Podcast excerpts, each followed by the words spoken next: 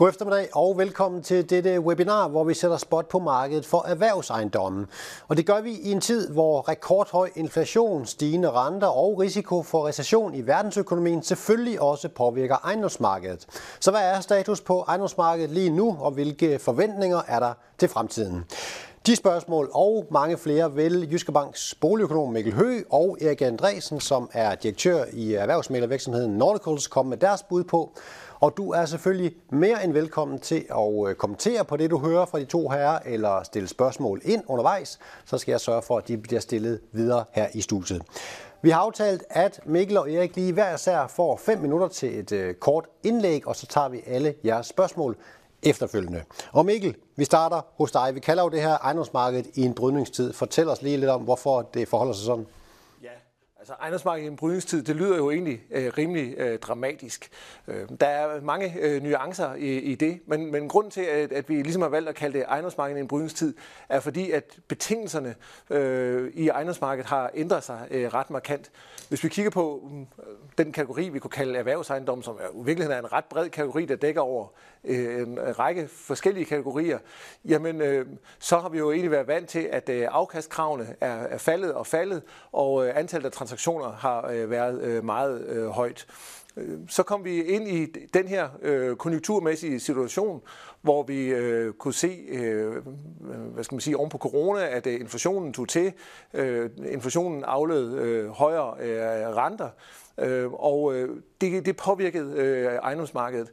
Øh, ejendomsmarkedet startede sådan set øh, godt ud i årets øh, første øh, kvartal, og der var øh, stadigvæk øh, en masse af transaktioner.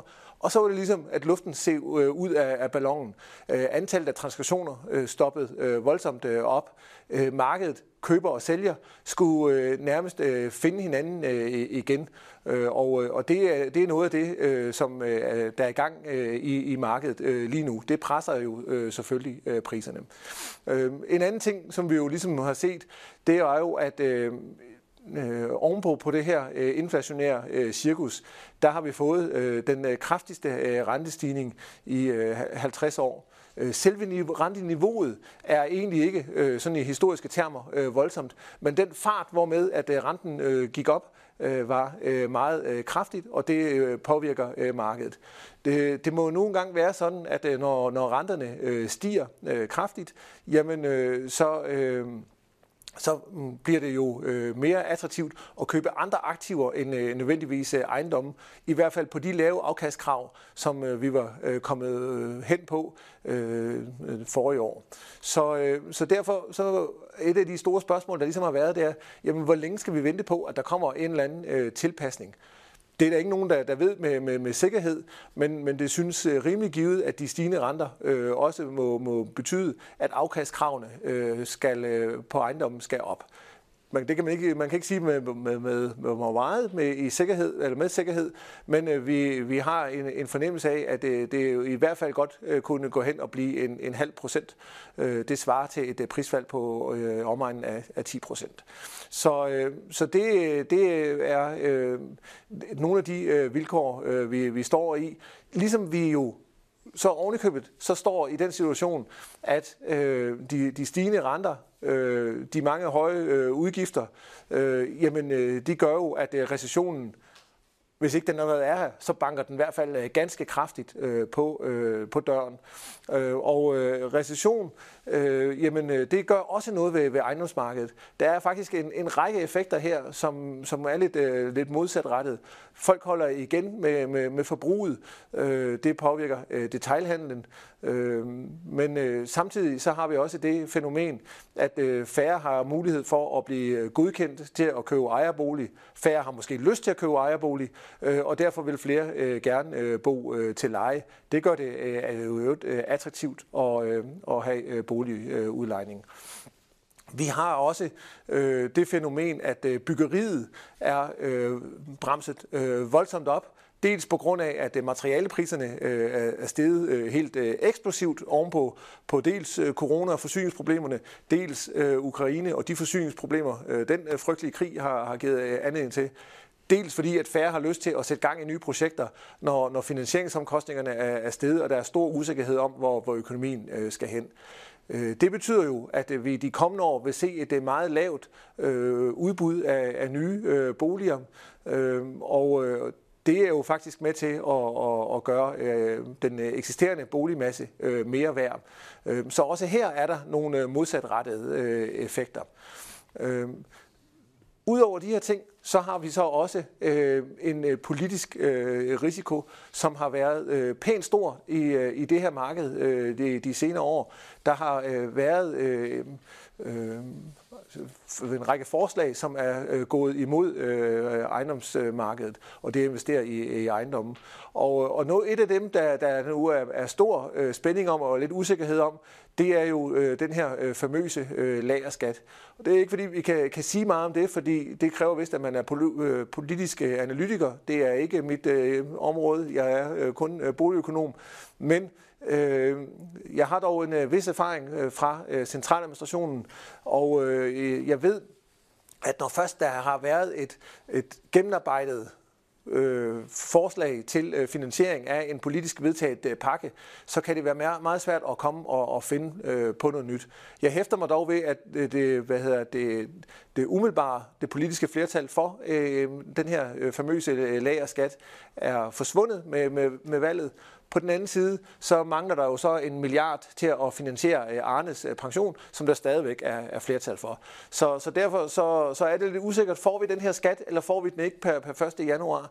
Øh, øh, lad os se, øh, hvad der kommer til at, at ske. Øh, synes også, at en ny regering øh, banker på, men, men der er øh, noget øh, politisk usikkerhed, øh, som, som bestemt får øh, betydning for, hvordan øh, ejendomsmarkedet også vil øh, udvikle sig øh, fremadrettet. Så hvis jeg sådan skal summere op, så vil jeg sige, at øh, sådan set fra, fra min øh, synspunkt, jamen øh, så har vi øh, den her situation med øh, recession og højere renter, der presser markedet ned, og så er der nogle andre forhold, som øh, måske gør, at øh, den her krise bliver øh, knap så slem og knap så dyb, øh, som, øh, som andre kriser, vi har været igennem for nylig. Tak for det, Mikkel. Og øh, husk, øh, som jeg også nævnte i indledningen, altså det her det er muligheden for at stille spørgsmål til det, I hører vores eksperter kommentere på undervejs, øh, og jeg skal nok samle op. Men inden vi går til spørgsmålrunden, så skal vi over til dig, Erik, fordi nu har vi hørt, hvordan en boligøkonom ser på markedet. Nu skal vi ud og høre, hvordan det ser ud, når man har fingrene helt nede i bullen, øh, som du har. I det så, så hvordan, øh, hvordan oplever I markedet hos, hos Nordic i øjeblikket, Erik? Jamen, øh, det er da turbulent og anderledes. Øh, jeg vil gerne flyve ind et andet sted faktisk, at øh, en investering i en øh, fast ejendom inden for investeringsejendom, som er det, der er rigtig stort i markedet, så, øh, så synes jeg faktisk, at de politiske aspekter og øh, det, at vi har et meget øh, en dansk stærk øh, økonomi, investering i ejendom, øh, set med mine øjne, er en langsigtet investering, og det betyder, at man altid øh, skal have de lange briller på. Og øh, det danske ejendomsmarked er jo blevet et globalt marked. Det vil sige, at hvis vi kigger tilbage på 2021 og starten af 2022, så så vi 70 procent af de større transaktioner faktisk var øh, allokeret af udlandskapital. Det betyder, at øh, den danske stabilitet i forhold til overskud på statens finanser øh, har en stor betydning for, at vi har stabilt øh, økonomi. Øh, vi har overskud på betalingsbalancen. Vi har også et politisk system set i forhold til Europa, som er rimelig stabilt. Vi har ikke højrefløj og venstrefløj, som er inde øh, og styrer øh, den, den, den politiske scene. Så den stabilitet, synes jeg, er vigtigt at, at have med i, i, i billedet, når man, øh, når man kigger på øh, det danske ejendomsmarked. Jamen, så har man talt om, at den perfekte storm, øh, ejendomsmarkedet har været udsat for, og øh, det er primært på baggrund af højere renter, øh, stigende priser på materialer, og det har klart påvirket øh, markedet, fordi det er sket så på så kort en periode, som Mikkel var inde på tidligere. Det er sket på en meget kort periode, på måske, jeg tror det er 6-8 måneder. Den gik fra at være en, en, en, en forholdsvis øh, lav, lav rente til i dag øh, at se os ind i både 5 og 6 procent på den lange obligationsrente. Øh, samtidig så har vi jo set, energipriser de stiger. Vi har set forsyningsudfordring med, med materialer. Vi har set lagerbeskatning, som har været en del af, af dialogen. Øh, kommer den, kommer den ikke. Men øh, noget af det, som jeg også synes er vigtigt at tage med ind i betragtning omkring øh, de muligheder, der er øh, i forhold til prissætning på fast ejendom, så er det jo den her nye øh, ledelsesbekendtgørelse, der er kommet over for Pengeinstituttet og Realkreditinstituttet om at kunne øh, långive i forbindelse med øh, med finansiering af ejendom. Der er der kommet en masse skabede regler, som gør, at øh, belåningssituationen for, for investor har ændret sig i negativ retning. Samtidig med de andre øh, ting, som, øh, som vi også har set herunder, også at den her politiske indgreb mod, øh, mod rente, øh, undskyld, lejeforhøjelse øh, i boligerne, at der har man sat en begrænsning på 4%. Øh, sådan en hel masse faktorer, der skaber en eller anden form for usikkerhed. Den primære er helt klart renten. Og det har, det har afspejlet sig i, øh, i priserne. Og det skete jo det, at vi i september, måske august-september, så et meget, meget afventet marked. Der så vi en rente, der steg fra foråret og hen, imod, øh, hen over sommeren, som betød, at øh, alle sagde, hvornår stopper den her rentestigning. I frygten for, at den kunne fortsætte. Der så vi et afventende marked. Både køber og sælger afventede simpelthen at sige, jamen øh, der er ikke nogen, der vil sælge, der er ikke nogen, der vil købe. Det er jo sådan, at, at, at, at markedet er utrolig afhængig af finansieringsformen. Øh, det er jo nok den øh, branche, der er højst øh, eller mest disponeret for at kunne opnå fornuftige øh, finansieringsvilkår. Vi taler om en gearing af en investering, som er afhængig af renten og de finansieringsmuligheder, der er. Så det har afspejlet prisen på ejendom.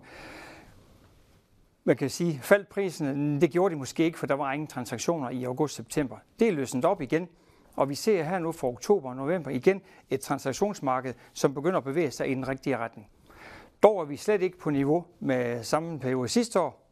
Hvis vi tager Q3 22 og sammenligner med Q3 21, så er vi cirka 50% nede i transaktionsmarkedet. Det, har, øh, det, er en, det er en anden, anden øh, størrelse. Men sammenligner man så med 2019 og tager de første kvartaler Q1, Q2, Q3, 19 og sammenligner med samme periode i 22, så er det faktisk ikke så ringe. Så ser det faktisk rigtig godt ud, og vi er på det niveau, der svarer til 19-tallene. Nu er det sådan, at de sidste mange år har Q4 været det stærkeste marked. Så der vil vi se, at Q4 i år ikke kommer på niveau med nogle af de andre tidligere år. Så samlet set vil 2021 blive noget lavere end det, vi har set de sidste par år i det samlede marked på transaktioner. Det, der stadigvæk er kendetegnende stadigvæk ved markedet, det er, at det er stadigvæk attraktivt. Det er boligejendomme, der primært trækker markedet, og det er stadigvæk udlandske fonde, der primært er dem, der er motor i at købe i Danmark. Det er stadigvæk det, vi ser her, også i selv i det her lidt mere spinkle marked. Øh, der gives afslag, øh, det gør det. Øh, der er stadigvæk ikke harmoni mellem køber og sælger. Øh, det er godt hjulpet på vej af en lidt lavere rente nu, Øh, vi er heldigvis, vi ser os ind i 4, 4,5, 5 procent i renter. Vi ser os ind i en kort rente på 2,5, 3 procent. Det er det stabile marked, vi har set, om ikke stabilt, men i hvert fald i en kort periode. Og det har gjort, at nogle de begynder at mødes igen, og transaktionsmarkedet og handel med ejendomme begynder igen at, at, at tage form.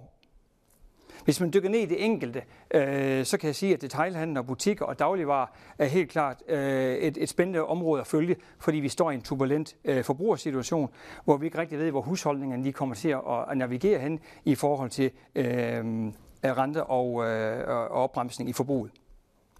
Øh, kontormarkedet, hvis vi lige skal vende det, det er meget attraktivt som investering. Der er lav tomgang. Øh, det er spændende at følge udviklingen på kontormarkedet i forhold til, hvordan vi skal komme til at drive vores øh, øh kontormiljø fremadrettet. Vi ser en tendens til, at der er flere og flere, der har hjemmearbejdsplads. Øh, vi ser en tendens i USA, som siger helt ned til 30-40 procent af medarbejderne arbejder hjemme og det vil sige, at kontormiljøerne bliver noget anderledes. Vi ser også i USA allerede nu, at, at fra man havde butikker og, og, og restauranter og, og, og andre øh, fornødenheder tæt omkring kontormiljøerne, så trækker de ud i bostederne, hvor folk bor, fordi at man arbejder mere hjemme, end man er inde på kontoret. Så det bliver spændende at følge øh, den struktur i markedet også. Logistik og øh, lagerejendom, meget spændende, meget attraktivt.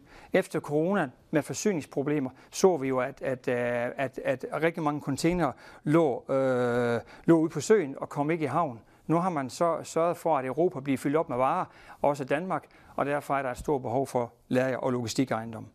Øh, lejeboliger. Vi har set en dialog i pressen de sidste uger omkring, at, øh, at den pressede husholdning gør, at folk vil bo til leje. Øhm, så øhm, der er en stigende efterspørgsel efter leje og stort set ingen tomgang øh, i, i lejeboliger. Ejeboligmarkedet, det var Mikkel også lidt ind på, øh, det har helt sit eget liv lige nu.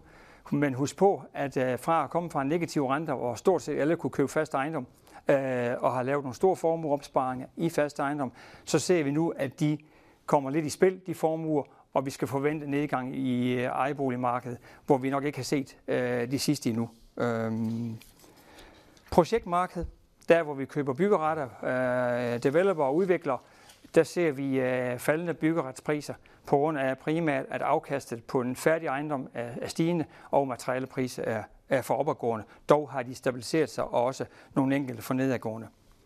Øh, sådan afslutningsvis, så vil jeg sige, øh, hold øje med detailhandel og øh, boligmarkedet. Det er meget afhængigt af, hvordan arbejdsløsheden den udvikler sig. Der ser jeg en, øh, en, et, et nøglemoment, vi skal holde øje med, det er arbejdsløsheden. Den, så lang tid der er købekraft, og fornuftig likviditet i husholdningen, så vil vi se nogle krusninger, indtil vi finder et stabilt marked igen. Men kommer der noget arbejdsløshed, så er det den faktor, jeg ser som den største, der kan presse os både på, på leje og på, på forbrugssiden i forhold til, øh, hvordan det vil komme til at gå i, øh, i detailhandel og, og, og boligmarkedet. Det var lige på i indledningen. Tak for det, Erik, og øh, tak til alle jer, der allerede nu har sendt spørgsmål ind. Øh, der er i hvert fald tjekket øh, nogen ind i min boks her, som vi tager øh, hen ad vejen. Men et for egen regning, Mikkel. Nu står I begge to og, og snakker rigtig meget rente og rentens betydning for det her marked. Mikkel, øh, som boligøkonom, øh, hvordan lyder dine og bankens forventninger ind til, til renteudviklingen? Vi er med på, at den er, den er kommet kraftigt op, de lange renter. De måske så sat sig lidt her på det seneste. Hvor, hvor ser du de her renter bevæge sig henad? Jamen, vi ser faktisk, at øh, vi tror, at øh, renterne har toppet. Øh, og øh, når jeg siger det, så er det specielt den, øh, den lange øh, rente. Erik var lidt inde på det, men for nogle måneder siden, der havde vi jo en, en, en fast rente op i, i de der 5-6 procent. Vi var helt oppe og snus til 7. Øh, nu har vi faktisk bevæget os ned i, i 5, og, og, og 4 procent er faktisk også øh, lidt i, i spil. Øh, så, så der er faktisk blevet hakket ret øh, kraftigt af den her øh, rente. Og det, der ligesom fylder i de finansielle markeder, det er jo det her med... Øh, øh, Øh, om er det inflation, vi skal være bekymret for, eller er det øh, recession? Centralbankerne er begyndt at være lidt øh, mere øh, dueagtige, øh, som vi siger, altså være lidt mere forsigtige, øh, fordi de øh, ser på, på øh, at øh, recession måske øh, tager, tager over. Øh, så, øh, så vi ser faktisk for os, at øh, der, hvis det ellers går godt med at få bekæmpet den her inflation, jamen øh, så kan centralbankerne i løbet af 2023 begynde at kigge på at sætte renten ned igen. Øh, så vi, når vi kommer over i anden halvår af 23, er øh, bankens forventninger, at, øh, de, øh, at der begynder at blive plads til øh, rentenedsættelse under forudsætning af, at øh, inflationskurven bliver ved med at, at, at køre øh, pænt øh, dernede her. Så, øh, så derfor ser det egentlig også lovende ud for ejendomsmarkedet øh, med, øh, hvad hedder det, øh, hvordan renteudviklingen øh, er. Det ser ud som om det har sådan været et kraftigt spike op, og så, øh, så skal vi sådan fire os øh, stille og roligt øh, ned igen. Det kan godt være, at vi ikke kommer ned i nul, men, øh, men mindre kan, kan også gøre det. Altså, vi var jo meget begejstrede i sin tid for, for 4 da, øh, da vi kom op fra. Og, og, og, og hvis det scenarie holder Mikkel, og nu rejste Erik et flag i forhold til, til arbejdsmarkedet, arbejdsløshed, så taler det vel også for, at, at arbejdsmarkedet vel ikke sådan skal rammes alt for hårdt, hvis det her scenarie kommer til at udspille sig? Nej, jeg tror, vi kommer nok ikke udenom at se noget, noget stigende øh, arbejdsløshed. Det tror jeg, alle er øh, enige øh, om. Og, øh, og, og de forskellige prognoser fra dem, der laver prognoser, øh, vores egen bank, øh, hvad hedder det, Nationalbanken og andre, øh, regner med en, en pæn stigning i, i ledigheden. Men, men der tror jeg øh, faktisk, at man skal holde fast i, udgangspunktet. Fordi vi har jo en rekordhøj øh, beskæftigelse. Så, så selv hvis øh, ledigheden skulle stige med 100.000, som virkelig lyder øh, ubehageligt og grimt, og, og, og i virkeligheden er det, der ligger i de økonomiske vismænds øh, rapport, øh, deres prognose, øh, jamen så vil øh, beskæftigelsen stadigvæk være på et niveau, som øh, er inden for, for det, vi normalt betegner som højkonjunktur. Og man siger, ja, ja, de der økonomer, de tager altid fejl, så lad os prøve at toppe den, og så sige, jamen, øh, lad os lade ledigheden stige med, med 200.000, som vil være virkelig Øh, et grimt scenarie. Øh, selv der vil vi være i en beskæftigelsessituation, som er øh, faktisk i sådan historiske termer rimelig god. Så, så vores udgangspunkt den her gang er ret stærkt, og derfor har jeg også svært ved at se for mig, at bunden skal gå helt ud af, af ejendomsmarkedet. Godt. Vi tager øh, nogle spørgsmål fra chatten her. Jeg tænker, det her måske er til dig, Erik. Øh, det er Preben, der spørger, det kan også være det til jer begge to, anbefaler I, at man generelt set hæver lejen med de, øh, med de 4%, med de risici, der er for lejers situation? Jeg håber, at spørgsmål giver mening. Det giver mening, og det, det er faktisk et godt spørgsmål, fordi, fordi virkeligheden er faktisk, at at der gives mulighed for at åbne helt før lovgivningen, så var der næsten op til hele 10 procent, som vi så os ind i i forhold til de muligheder, der ligger i indekset. Øh, og så, så satte man loven til 4, eller reglen til 4. Øh, og virkeligheden viser sig faktisk, at man er meget forsigtig med også at tage de 4 procent.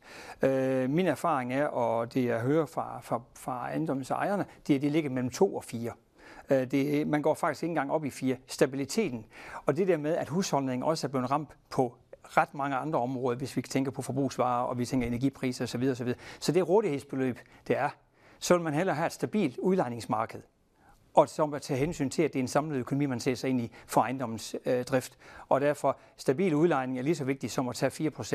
Øh, der vil man nok måske nogle gange se sig ind i 2%, som jeg har hørt øh, de fleste vil gøre.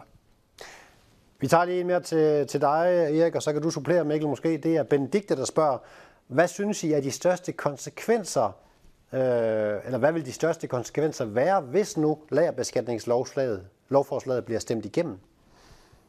Altså, de største konsekvenser, det er jo først og fremmest det, man bliver ramt på likviditeten i ejendommen. Fordi det er det, det handler om, det er, at man betaler nogle skat af nogle penge, man ikke har tjent. Fordi det er, det er ligesom med aktiebeskatning. Øh, og, og grundlæggende så betyder det, at det et eller andet sted handler jo om, at kan man så forpligte sig til de afdrag og andre byrder, der nu ligger i ejendomsdrift over for de lån, den finansiering, man har. Og når det så bliver kalkuleret ind i en, i en større kalkyle, så betyder det et eller andet form for mindre øh, øh, fald i ejendomsværdi og pris fordi der skal give et afkast af de investerede midler, man lægger ind i, i, i projekterne. Og, og hvis det ikke kan servicere den gæld, inklusive den skat, der ligger i lagerbeskatning, jamen så vil prisen skulle reguleres nedad. Ja, det er jeg meget enig i, og det tror jeg, man skal se lidt på, øh, at, at der er jo en masse byrder, der er blevet overvæltet øh, på, på, øh, på ejendomsinvestorerne i senere år. Og sidste ende, så det ejendomsinvestor kan gøre, det er jo også at, at vælte byrden over på, på, på, på lejerne. Så hvis man bliver ved med at hælde mere vand i, i, i glasset, jamen, så løber glasset over. Så det her, det, det er sådan en byggesten af flere, som, som er gået imod det her marked. Vi tager en mere til dig, øh, Erik. Det er Jørgen, der spørger, øh, hvor ser du afkastkravet bevæge sig hen af? Øh, eller afkastkravene bevæger sig hen af. De kan vel ikke blive liggende nu, øh, nu her, hvor den risikofri rente er blevet væsentligt højere? Der, hvor jeg ser lidt, vi skal lige finde øh, vores øh, ben at stå på, det er også i forhold til finansiering. Fordi afkastkrav har rigtig at med, hvilken finansieringsmodel du kan opnå. Den består af nogle renter og nogle procenter. Det vil sige, hvad er renten? Og hvor høj en belåningsgrad kan du så få? Og der har vi jo så set med de nye bekendtgørelser, der er kommet fra EU, men også via Finanstilsynet sendt ud til bankerne, at der er meget restriktive muligheder for en at belåne ejendommen op til de værdier, vi ser i markedet lige nu. Og det vil sige, at, at du bliver presset på at skal have en større egenkapital, og dermed kan du lave en mindre gearing af din investering i ejendom, og det har sådan en betydning for øh, prisen i sidste ende. Øh, så hvor afkastet kommer til at ligge hen, har noget med lånerenten at gøre, og de lånemuligheder, der er. Det er sådan øh, sammenlagt de to ting, der er så væsentligt. Så vi ser nogle afkastkrav, der ikke er faldet, kan man sige, hvis jeg ser på udbud efterspørgsel lige nu, og de handler, vi kan referere til, så er vi cirka i cirka en halv procent nede. Som Mikkel var inde på, vi ser, at afkastet groftligt er faldet med en halv procent på de ejendomme, vi har set i transitionsmarkedet. Om det skal højere op eller længere, afhænger rigtig meget af, øh, hvordan vi ser renten udvikle sig. Men vi har nok set et, et, et større afkastkrav, altså øh, stigende, stigende afkast og dermed faldende pris på ejendom.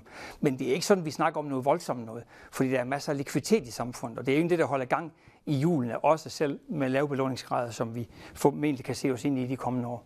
Ja, hvis jeg må supplere der, der ser vi jo også fra, fra bankens side øh, ofte, at øh, mange af ejendomskunderne øh, i dag er virkelig velkonsolideret ovenpå på finanskrisen, men der har man virkelig lært noget af, af, af så altså lært en lektie. Så, så det der sker, det er jo, når køber og sælger skal mødes, så mange der, der faktisk er i stand til at sige, jamen okay, hvis ikke jeg kan, kan sælge øh, til de her afkast, jamen så har jeg faktisk en stærk nok økonomi til at, at holde ejendommen, så holder jeg den bare i, i, og venter på, på bedre tider. Så øh, det er jo også med til at understøtte øh, afkastkravene. Så tror jeg, at vi skal lidt vende os til, når vi taler afkastkrav i, i Danmark, så skal vi vende os til, til noget af det, som øh, Erik faktisk var inde på, at, øh, det danske ejendomsmarked er over de senere år blevet meget mere øh, internationalt. Øh, og det gør jo, at øh, vi måske kommer, der simpelthen kommer flere øh, investorer øh, til, og det gør, at øh, vi skal vende os til, at øh, afkastkravene øh, kommer ned i nogle lavere niveauer, end vi normalt har været vant til i, Danmark, fordi vi nu pludselig bliver sammenlignet med Stockholm, Nordtyskland og hvad der nu ellers ligger i, i vores region. Øhm, øh, og og det, det, det gør et eller andet, og der er det jo meget vigtigt, i hvert fald som jeg ser det, også at vi værner om den politiske stabilitet, øh, vi, vi, vi har, og dermed også undgår noget af det her øh, hovsa-indgreb og øh, øh meget hurtige øh, lovforslag, øh, øh som, som er, er kommet på det seneste mod ejendomsmarkedet. Og der tænker jeg netop på det her huslejeloft, øh, lager, skat og, og andet, øh, hvor man måske ikke har lyttet så meget til, til, til ejendomsbranchen, når man har implementeret det. Vi har trods alt tradition for i, i Danmark, at man sender store, nogle store lovforslag i, i høring og, og, og lytter lidt til, til, til aktørerne. Mikkel, nu ved jeg godt, det ikke dig, der sidder og bevilger store øh, boligprojekter, men der kommer i hvert fald et spørgsmål her til, hvilke forventninger og krav forventer du, at Jyske Bank kommer til at stille til fremtidige projekter, og parentes, vil det være en stigning i forhold til de nuværende krav? Jamen, øh, det er ikke mig, øh, der, der bestemmer det, og det er også individuelt og, og, og, og, og, øh, fra, fra sag til sag, og der, der er mange ting, der, der spiller ind. Øh, når jeg så alligevel gør det godt til at sige noget, så, så er det jo fordi, at øh, vi i, igennem noget, noget tid jo har, øh, øh har erfaret øh, og, og set, at, øh, at specielt på, på boligudlejningen, der har Finanstilsynet jo en ny bekendtgørelse i, i høring. Og øh, den her bekendtgørelse, den, øh, den strammer jo øh, øh, faktisk øh, ganske kraftigt op på, øh, hvordan vi, vi kigger på det her med, øh, og, om man øh, har øh, positiv øh, nettoleje, når, øh, når man øh, øh kigger på øh, og, og belåne ejendommen. Øh, og, og dermed også, øh, når vi skal øh, opgøre de her øh, positive nettoleje, så skal vi faktisk øh, også stressteste den øh, fremadrettet. Og øh, det, det gør jo, at øh, jeg kan se, at øh, den måde, som Finanstilsynet gerne vil have, at vi i branchen skal, øh, skal tænke, øh, der skal vi øh, øh tænke øh, mere stramt, end, end vi har gjort øh, hidtil. Så, så derfor så tror jeg, at, øh, at øh, den øh, vej vinden blæser, det er, øh, øh, at det bliver, der bliver stillet flere krav til at, at få bevilget øh, lån. Vi kan lige følge op på noget af det, I talte om før, det her med, om man skulle hæve øh, huslejen med de 4 procent, sådan som jeg forstod spørgsmålet. Der er flere, der spørger, er synspunktet omkring lejeregulering anderledes ved erhvervsejendomme, altså udlejning til virksomheder? Øh, som udgangspunkt, øh, så handler det jo om udbud udbud efterspørgsel. Og, og, og du tager under normale omstændigheder de priser, du tager den leje, du kan tage i et givet marked. Og, og derfor så kan man sige, vi har noget det hedder den gamle boligmasse, og så har vi nu det, det nye boligmasse, som er, som, som er markedsleje øh, bestemt og fastsat. Og det, som jeg oplever, øh, der sker, det er, at, at der er detailhandlen, der også er presset. Og der kigger man meget ind i at have en dialog med lejeren sige, hvor er vi henne i det her marked? Hvordan går din forretning, når vi snakker erhvervsleje? Der handler det om at have et partnerskab. Meget tæt partnerskab og være i dialog. Øh, og det, som jeg også nævnte i mit indlæg, det er, at det, vi ser os ind i, er jo en periode, hvor der er en ustabilitet, specielt på erhvervsleje i forhold til dejlandet og, og butikkerne. Øh, så har vi kontormarkedet, og, og, og, og det at drive en ejendom i dag er jo også inflationsramt. Så der er jo masser af omkostninger, der følger med i at drive en ejendom i dag, i forhold til det, vi ser generelt. Så den højere rente inflationen gør, at der er også et krav fra erhvervsudlejere til at kan opnå en højere leje i dialog med leje. Men, men, men, men jeg oplever, at man tager højere leje, øh, end man gør ved boliglejerne. Nu er det heller ikke lovbestemt. De valgte jo kun at gøre det på boliger med 4% Der var en dialog om, det skulle også gælde for erhverv. Den gik man så fra. Det var det ikke politisk opbakning til. Så det er det frie, frie lejemarked, kan man sige, øh, reguleringsmarked i forhold til indeksering øh, på erhverv, og der oplever jeg større lejestigning, end jeg gør på bolig. Det var spørgsmålet. Ja, og vi bliver ja. lidt ved det, ved det her med, med leje og markedsleje, fordi Per han skriver, Nyere investeringsejendomme kan ses som en inflationssikrende investering, hvis udviklingen i inflationen modsvares af en modsvarende stigning i markedslejen. Hvordan ser I på lang sigt sandsynligheden for, at en nogenlunde parallel udvikling kommer til at ske mellem inflation og markedsleje? Ja, man kan sige, sådan teoretisk set, så, så plejer man jo at sige, at det er godt at investere i, i ejendommen, når der er inflation, øh, og netop henviser til, at øh, med inflationen kan man øh, netop overvælte på, på, på, øh, på lejen, og så kan man øh, få cashflow i ejendommen til at, at følge øh, inflationen.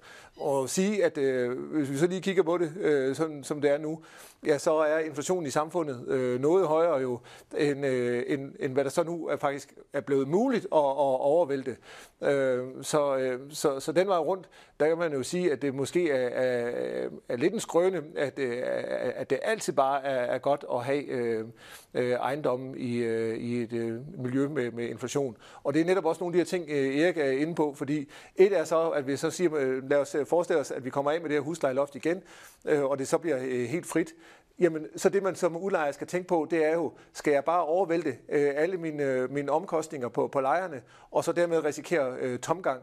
Fordi hvis man gør det, så, så kan jeg hele tiden sige, så får man altså noget større øh, omkostninger. Så det er hele tiden en balancegang at, og lige vurdere, hvor, hvor meget kan, af, mine stigende, øh, øh, af de stigende udgifter kan jeg øh, vælte over på mine øh, lejere, og dermed stadigvæk øh, have en, en god investering. Øh, fordi øh, hvornår... Øh, når man en eller anden mæthedsgrænse, sådan at, øh, at det, det, man opnår øh, tomgang. Så, så derfor så, så er der også nogle markedsmekanismer her, som, som, som, som spiller ind, øh, og, og, og derfor så, så, så synes jeg lidt, at det, at det er lidt for simpelt at sige, at, øh, at ejendom bare er godt, øh, når inflationen er høj. Det var i hvert fald svaret, Mikkel der er lidt flere spørgsmål til det her med forventningerne til renten, og det, det er jo utrolig svært at spå om. Det her tror jeg, historien har bevist. Øh, men øh, der er i hvert fald en, der spørger, forventer I, at de lange renter kommer ned i 2-3 procent? Og i så fald, hvornår? Ja, altså hvornår, det er, det er jo svært at, at, at sige noget om, men, men vi, vi har jo set, at de lange renter er, er, er kommet ned, øh, og, og øh, ser også for mig, at det, i takt med, at det, recession øh, fylder mere end inflation, så er der plads til, at de øh, kommer øh, øh længere ned. 2% lyder måske øh, øh, lidt, øh, lidt vel lavt. Øh, jeg tror, vi skal være glade øh, og godt tilfredse, hvis vi kommer ned i måske i, i 3%. Øh, og det, det, det er så til gengæld øh, heller ikke helt så, så usandsynligt, som, som jeg ser det, og, og som øh, bankens prognose også øh, ligger op til. Der tror jeg lige, jeg vil bemærke, i, i forhold til prissætning af, af realkreditobligationsrenten, der er det også rigtig vigtigt at have med i, i, i betragtning. Det er noget af det, jeg sidder og holder øje med, det er, hvem er det, der køber de danske realkreditobligationer. Fordi vi har meget sammenlignet os med, med den korte rente, fordi det er det, det normale ejendomsmarked i hele verden finansierer sig i, det er op til 10, 10 års løbetid på rente. I Danmark har vi realkreditsituationen, som er helt anderledes og meget attraktivt for det danske marked. Men prissætningen af det er jo også et lukket marked og et lille marked. Så når vi snakker lange renter, så skal man også se det i et perspektiv af, hvem køber vores obligationer. Og som, som jeg har ligesom hørt lidt på vandrørene, så, så, så, har, så har udlandet trukket sig lidt for de danske realkreditobligationer og gået med over i danske statsobligationer. Så 70% til 80% af de danske realkreditobligationer bliver købt af danske pensionsselskaber. Så det er faktisk er dem, der også er med til at sætte prisen. Og det er klart, det er en kalkulation, hvor de siger, hvad er vores alternative investeringer til realkreditobligationer. Hvad kan vi ellers placere pengene i? Øh, hvis i gamle dage, hvor udlandet var mere interesseret i de danske stats øh, realkreditobligationer, end de er lige nu, der var det også med til at påvirke det store marked, altså rentemæssigt. Nu ser vi sådan lidt mere lukket marked, at det er Danmark, der sådan selv er med til at styre. Og jeg er enig med, med Mikkel, vi skal være tilfredse, hvis vi kommer ind i en realkreditrente, den lange rente på 2-2,5 øh, effektivt, så tror jeg, at det er der, vi kommer til at ligge øh, fremadrettet. Og det er det, vi skal se ind i. Vi kommer ikke til at se negative renter øh, i mange, mange år fremover, hvis, hvis nogensinde mere. Det, er, det, er, det, det kapitel er lukket. Ja, vi ved jo, at noget af det, som har, har drevet renterne øh, ekstraordinært ned, er jo de her demografiske forskydninger. Øh, og, øh, og de her demografiske forskydninger betyder også, at der bliver sparet øh, enormt meget op øh, til pensioner. Kommer, øh, vi har de her store øh, pensionsformuer, øh, og de skal jo, øh, i takt med at folk bliver ældre, skal de placeres i noget øh, sikkert, og der bliver de typisk placeret i øh, obligationsrenter. Så det er faktisk med til at, at strukturelt at skubbe øh, øh niveauet øh, ned, og det er jo, jo blandt andet derfor, at øh, de danske pensionskasser øh, er så sultne efter de her øh, realkreditobligationer. Så, så generelt set er der øh, god øh, efterspørgsel. I forhold til udlændingene, der var vi lidt forkælet, at øh, japanske pensionskasser købte øh, vældig godt op i, i danske øh, pension, øh, realkreditobligationer i, i en tid. Øh, de øh, er faldet lidt, øh, lidt tilbage, men altså... Øh, stadigvæk, så, så er de på et niveau. Altså, der var en gang, hvor vi var glade for, at øh, cirka 10% af de danske realkreditobligationer blev købt af, af udenlandske pensionskasser. Øh, I dag er niveauet øh, dog trods alt det, det, det dobbelte, så øh, øh, der er stadigvæk også stor interesse for, for dansk realkredit derude. Godt, og øh, spørgeløsten æbber sådan lidt ud, fornemmer jeg her, men der er i hvert fald lige, øh, i hvert fald forløbig et mere, vi lige kan, vi kan vende. Nu var vi lidt inde på forventninger til den lange rente, Mikkel. Øh, der er en, der spørger her, hvis den lange rente kommer ned på måske 3%, hvad er så jeres forventninger til den korte rente, for eksempel F1-renten? Jamen, F1-renten er jo lige nu øh, 3,5 øh, procent, øh, eller cirka det leje, og øh, der, øh, der må vi jo sige, at det, der ligger der, det er jo en øh, centralbank, øh, som øh, går hvad hedder det, øh, til vaflerne og bekæmper inflation, og det vil de gøre, selvom de er begyndt at, og, og, hvad skal man sige, at udtale sig lidt mere forsigtigt, så vil de øh, øh gå til vaflerne. Vi forventer dog, at de så får succes med deres politik, og, og så stille og roligt kan der blive plads til at, at sætte renten ned i, i hvad hedder det, 23, som, som jeg var inde på. Og det betyder, det, det, det vender, men det kommer til at, at gå øh, øh, langsomt. Så, så her skal vi også øh, forvente en, øh, en rente, der er øh, øh, højere, end vi har været øh, vant til, og så kommer vi nok ned på et tidspunkt øh, ned i, i de her øh, omkring en, en 2 procent øh, øh, her. Så vi får en, en meget flad øh, rentekurve øh, i, i virkeligheden, øh, når vi kigger øh, længere fremad. Så er der noget særligt forhold, at øh, dansk økonomi er øh, super øh, stærk, og Nationalbanken er nødt til øh, løbende at intervenere for at svække kronen i forhold til, til euroen. Øh, investorerne vil hellere øh, investere i den danske andedam end, end øh, i Europa, hvor der er øh, gældsproblemer i Sydeuropa, og den historie er ved at gentage sig oven på corona. Øh, så, øh, så derfor så, øh, øh, så kan man faktisk godt forestille sig det, at øh, Nationalbanken kan blive nødt til at udvide øh, spændet øh, mellem øh, den danske rente og euroen, øh, sådan at, øh, at vi i princippet øh, får øh, knap så kraftige øh, rentestigninger i, i Danmark, som, som der er lagt op til øh, i, i de andre øh, lande. Øh, og det, det kommer øh, så øh, fedt låntagerne øh, til gode som sådan en øh, lille bonus, øh, kan man sige, hvis man kigger på, på den øh, renten isoleret set i hvert fald. Tak for det svar. Jeg ved ikke, om du har nogle afsluttende bemærkninger her på øh, falderæbet, Erik, til sådan øh, markedssituationen, noget vi ikke er kommet ind på endnu, fordi ellers... Altså, jeg synes jo grundlæggende, sådan overordnet set, så er det gået rigtig godt i mange, mange, mange år, og der er sparet mange formuer op. Og vi har jo set folk skrive øh, regnskaberne, altså kan man sige, justere ejendommens pris op i regnskaberne med hensyn til øh, at forberede sig til lagerbeskatning. Der er store formuer, og der er masser af likviditet, så vi har ikke en dyb, dyb ejendomskrise. Øh, vi har et boligmarked, ja, men der er også tjent mange penge på boligmarkedet. Så jeg ser ikke noget skræmmebillede. Altså den perfekte storm, ja, ordet storm, en storm er også for at gå over. Vi ved, det bliver ikke ved det her. Så spørgsmål om et halvt års tid, så ser vi et stabilt marked, hvor vi, hvor vi så kører på nye niveauer. Så, øh, så jeg ser ikke nogen dyb, dyb ejendomskrise overhovedet. Jeg synes, det er en uh, tilpas optimistisk uh, note at gå ud på. Tusind tak, fordi du var med her i dag, Erik. Tak til dig, Mikkel, og uh, til dig, der kiggede med derude. Vi håber, at du bliver klogere på det her emne. Fortsat god eftermiddag, og vi ses igen en anden god gang.